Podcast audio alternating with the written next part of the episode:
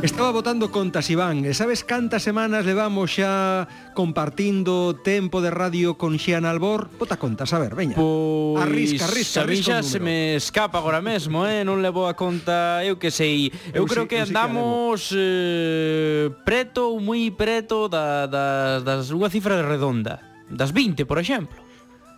Moi ben, Iván, 20 exactamente cumprimos esta tarde 20 semanas que levamos facendo posible este tempo de divulgación na nosa sección de Ecoloxía e Medio Ambiente con Xian Albor. Con ela falamos, xa sabedes, de temas relacionados coa ecoloxía, coa conservación do noso planeta, co medio ambiente.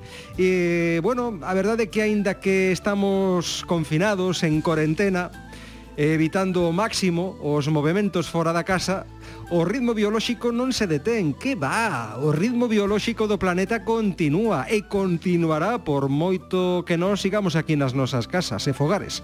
E aínda que entraron xa eses fríos estes días de inverno, que estamos en primavera, sí, pero que nos van pensar naquel bello refrán das nosas aboas, como era o de non quitar o saio hasta o 40 de maio. Pois imos camiño diso, eh? Os días están a medrar, sí, a primavera tamén está aquí, tamén, chamando a nosa porta, e con ela chegaron tamén as primeiras aves migratorias. Outro día falaba eu das primeiras flores que brotan nos campos, pero é que as aves migratorias tamén están aquí. E hoxe imos falar dunha ben coñecida, a que queremos tanto, o Cuco. Bueno, Xana Albor, como estás? Moi boas tardes. Moi boas tardes, como estades, Antón? Como estás, Iván? Todo ben, agardando escoitalo Cuco que aínda non tiven oportunidade este ano. Ojo. Esta tarde vas ter oportunidade de escoitalo, Iván, o canto do Cuco. En diferido. Eso é, é de coñecer un pouco a viaxe que fai esta ave que ven de moi lonxe, non? Cando chega a nosa terra, Xiana? Jo, pois así que decía Iván que aínda non tivo a sorte de escoitalo, pois mm. eu sí, si, hai dous días, mirade, foi a primeira vez que o escoitei. O meu confinamento non, me permite, Xiana. Po, oh, eu estou aquí nun, nun sitio do rural e si que, si que o escoitei. Xa horas. Teño esa a leva. Verdad que sí. non te preocupes, Iván, que falta pouco, aínda vas chegar a escoitalo, que aínda temos meses por diante de escoitar o cucu. Agardemos que, que sí. É un, é un son magnífico, así vos lo digo.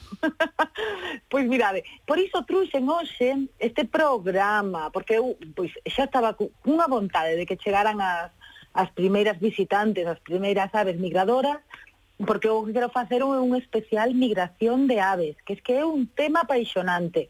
A ver se o próximo mércores xa o podo traer, de verdade, ten é muitísimo máis amplo, muitísimo máis emocionante e misterioso do que pensamos. Pero entón, o cuco, mirade, normalmente a nosa terra tende a chegar entre marzo e abril. E quen nos dicía este refrán? É o noso querido Santiago Pemán. Este refrán escoitei yo a Santiago Pemán cando daba o tempo na Galega. Por marzo ou abril, o cuco ou o fin. Aquí está unha querida amiga que se chama Rebeca, que de feito traballa na Televisión de Galicia, e estaba un pouco agobiada estes días que era, ai, como non non escoitamos ao cuco, mirado que dicía este refrán, creo que ti antes outro refrán tamén do cuco, non? Sí, bueno, é parecido porque hai moitas variantes ao longo da xeografía galega. O que escoitei eu sempre dende cativo é eh, entre marzo e abril sai o cuco do cubil e se non sae, ben a fin. que non me, a fin de que? A fin do mundo? Efectivamente, a fin do mundo, fin do mundo ah, Antón. Por Pero por sorte xo escoitamos. Entón, claro, ah, bueno, non vai vir. Ai, que alegría, porque eu estaba xa en plan, ai, ai, ai, eu non escoitara este refrán, así vos lo digo, pero xa me estaba entrando a, o medio no, un refrán un pouco apocalíptico, sí. Sí, e, e encima como se estaba poñendo toda esta situación agora no mes de marzo, pois pues a verdade é que que daba que daba un pouco que pensar, claro, non? Eu daba un pouco de medo, por eso me puse moi contenta. Non conseguín ao señor Santiago Pemán, o noso querido señor Santiago Pemán, mira que eu me lembro del, era unha mm. rapaza pero non o conseguín. Se nos está escoitando el ou a filla, mm, por toda sorte que nos mande o audio dito por el, encantaríame, pero en fin. Ai, sabedes o que escoitei eu? mentras canta o cuco, non comas raia nin pulpo. Sabe Dios por qué. non sei, será porque non é a época de, de pescalos, a mellor. Sí, bueno. entendo que vai un pouco por aí, porque non se refire a mentres canta o cuco a mellor 10 mm, minutos, refírese a todo o período. no, no, no. Dios mío, mira que mira que a mí dame moita pena comer o pulpo, eu tamén teño que falar de polvo algún día aquí, pero é demasiado delicioso. Comentamos algo da migración do cuco sí. e de outras aves? Sí, sí, sí, que me estou indo polas polas, nunca mellor dito. Bueno, o cuco é unha ave migradora. Xa sabemos que durante o noso inverno, durante o inverno do noso hemisferio, escápase a áreas tropicais e subtropicais de África. Logo xa, cando chegan os calores aquí, cando entra a primavera, ascende de novo a grande parte de Europa, a Asia e tamén mesmo ás veces fica no norte da África. Na península ibérica, sobre todo, temos por aquí no norte, no levante, no sur non é tan non é tan habitual. Nestes lugares vai criar, ven aquí a, a non a colocar o niño, porque xa sabedes que o cuco non fai niño que aproveitase, pero volve aquí a colocar os seus ovos nos niños alleos. E despois, en agosto e setembro, marcha de volta para os seus lugares onde fica o inverno unha distancia que percorre de media, segundo investigadores, poden ser uns 3.000 kilómetros. Que é unha barbaridade, sí, porque sí. mirade que este, este pasariño de longitude ten 35 centímetros, ou seja, é realmente pequeno, de envergadura ten un pouquiño máis, 60 e pico centímetros, pero vamos, que non está mal. Sí, sí, percorre todo o mundo. Mira, como é esta ave? De que se alimenta? E, e outra pregunta que teño eu, todos fan cucu, cucu, cucu. Pero bueno, tío, faz de maravilla, pois mira, gafas, gafas. este cucú que faz ti, querido Antón, o fan máis ben os machos, e é un canto que temos que escoitalo en... cantado por eles, a ver. Pois ella. Ai.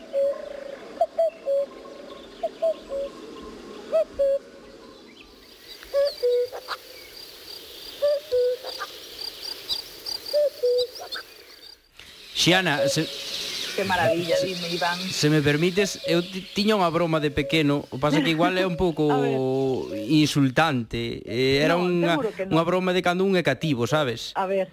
Que xogaba un pouco, xogábamos un pouco co cucu co cuco, que lle dicíamos eh, cando se empezaba a cantar, pois o, o berro noso eh, era como contestarlle, eh, era tapa o cu eh, func funcionaba no sentido é un pouco triste agora, non? Porque calaba. No. no eh, soa lenda, pero eu teño feito e eh, teño comprobado que, que calaba. Era así un pouco un xogo así que, bueno, non é moi tampouco aconsellable facelo, non? Que hai que disfrutar do canto do cuco, pero era esa malicia de pequenos que tiñamos. non vou coitar, pois mira, pareceme moi Mm, digno polo menos de investigación. Mira, Iván, eu non che vou dicir que sexa insultante, porque o que é insultante é que os nenos que estamos vindo agora non estemos en contacto coa natureza como estábamos nos antes. Todo o día aí, soltados no monte, vendo bacalouras, vendo isto, nada, Iván. É maravilloso que de pequeno mm. tiveras a sorte de falar coscucos, mira, pues Grazas, Xana. Iván Calaza, home, que falaba co cuco. pois sí, ese cucu parece ser que o cucu ese que coñecemos o fan os machos, como vos decía, eh, e a mm. cousa máis emocionante de toda, é que cada cuco, cada adulto, cada macho ten o seu propio xeito de chamar. Isto xa se viu en outras moitas aves, que outro día vou falar, é que é que a ornitoloxía é unha burrada, é maravillosa. Pois mirade, en Hungría descubriron que cada macho dunha poboación inmensa e con uns niveis de seguridade absoluta, cada un cantaba dun xeito diferente. Porque parece ser que isto lle é ventaxoso, ou seja, que ti estás escoitando a mellor cucu e outro cucu, e isto vai ser pois o señor Cuco Iván e o señor Cuco Antón, ou seja, van ser diferentes, é, é moi interesante. E, bueno, eu non sei se escoitaste de sexto, que claro, o Cuco está cheo de lendas e de refráns, como estamos vendo. Eu xa lín, que din por aí, Que se lle preguntas ao cuco cantos anos vas vivir, contéstache. Segundo, cantos cucús vai a contestar e cantos anos che quedan. Mellor non preguntar. Mellor non saber. Si, sí, aí iso é mellor non arriscar. Casi é máis insultante iso que o meu, eh, Xiana? Sí, sí, sí, moitísimo máis. Moitísimo máis. E tamén vin que Emilia Pardo Bazán o, o introduxo nun dos seus contos en Finafrol. Así que tamén contaba que un personaxe pois preguntaba ao Cuco cantos anos lle quedaban. Pois ben, Este momento de escoitar o cuco temos que aproveitalo agora, aínda que aínda non podemos estar fora, pero se estamos no campo temos a sorta mellor, e se non, non vos preocupedes que aínda nos quedan uns meseciños, pero en xuño, xullo, xa vai calar, e despois xa en agosto, setembro xa marcha. Ou seja, que eu penso que temos que ter aí a, a fe de que aínda nos vai dar tempo de escoitalo este ano. O fin non sí. chegou. Dime, dime. A fin non, non chegou. Dicía eu, Xiana, que o Cuco é famoso tamén por ter desenvolto unha estrategia de parasitismo nos sí. niños de outros paxariños, como sí, comentabas. Sí, sí. Como é un pouco sí, iso? Sí, sí.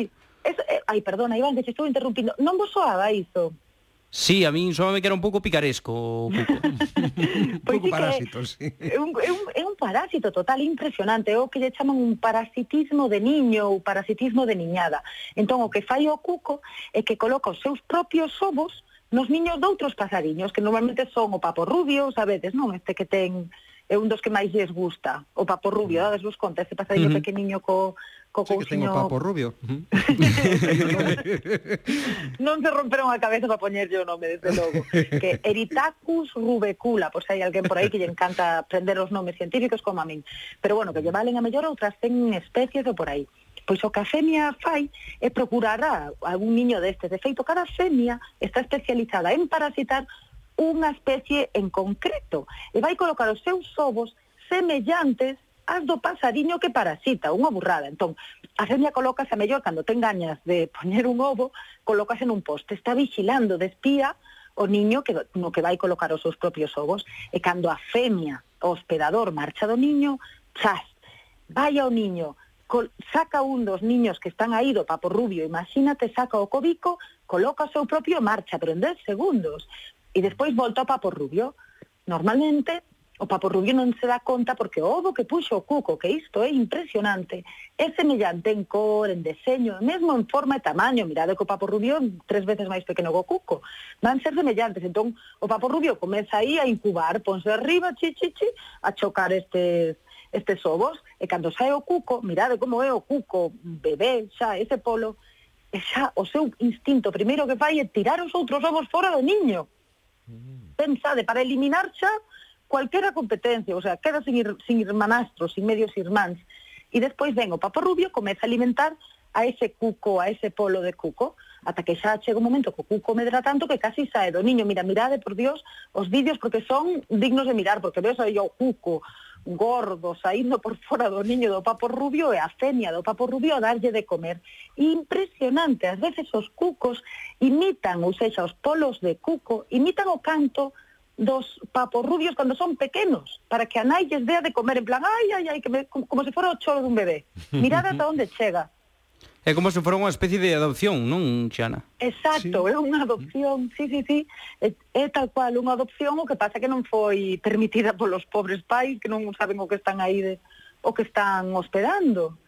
Que o de curioso os... que resulta o, o paxaro este, ave, eh, o cuco. Sí, eh, sí. Témola por aí aínda, está por aí o cuco no control, Rosa contigo, a ver que soen pouco, que cante, xa que estamos. Ai, que bonito. Que chulada.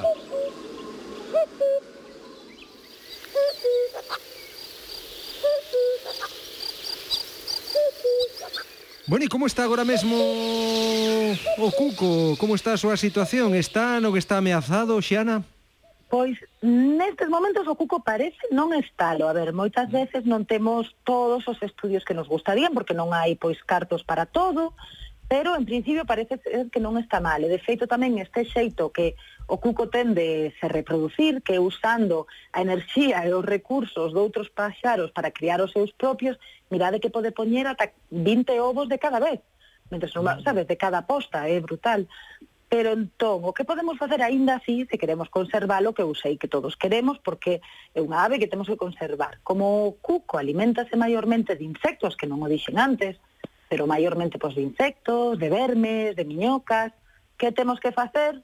o que sempre estou a voltas tratar de non usar insecticidas, eu sei que agora non estamos nas leiras, non podemos estar por aquí fora, pero temos que protexer os insectos, é unha cousa importantísima, que ás veces estánse nos escapando un pouco, porque despois os, os cucos o alimento que lle vai dar de comer, agora que estamos na casa, que non podemos estar por aí adiante cuidando os insectos así como sexa, pois tratar de de mercar cousiñas de agricultura ecolóxica dentro do noso orzamento, do noso presuposto, que normalmente son máis caras, é verdade, pero bueno, se podemos, genial. E se son feitas en Galicia, aínda mellor, xa non che digo se son feitas en Lugo, que sempre lle estou aí banco co conto de Lugo, a nosa querida provincia que está lá arriba.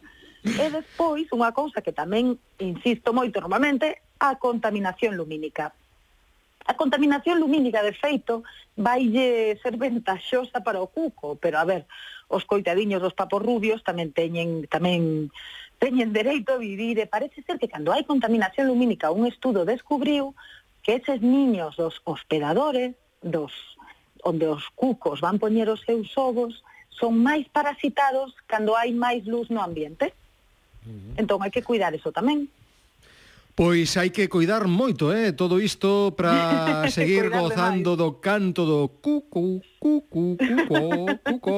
que gozada contar contigo todas as tardes aquí de Mércore, xa Albor. Xa estamos contando os minutos que quedan para a próxima chega neste tempo de ecoloxía, medio ambiente e, bueno, e de respecto a natureza, que é o que sempre debemos de manter. Queres que despidamos a sección co canto do cuco, xa que o temos? Encantaríame. Veña, imos con el.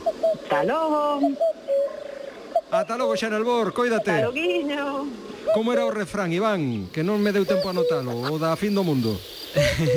Entre marzo e abril sai o cuco do cubil, e se non sai, ven a fin. Aí está, aí está.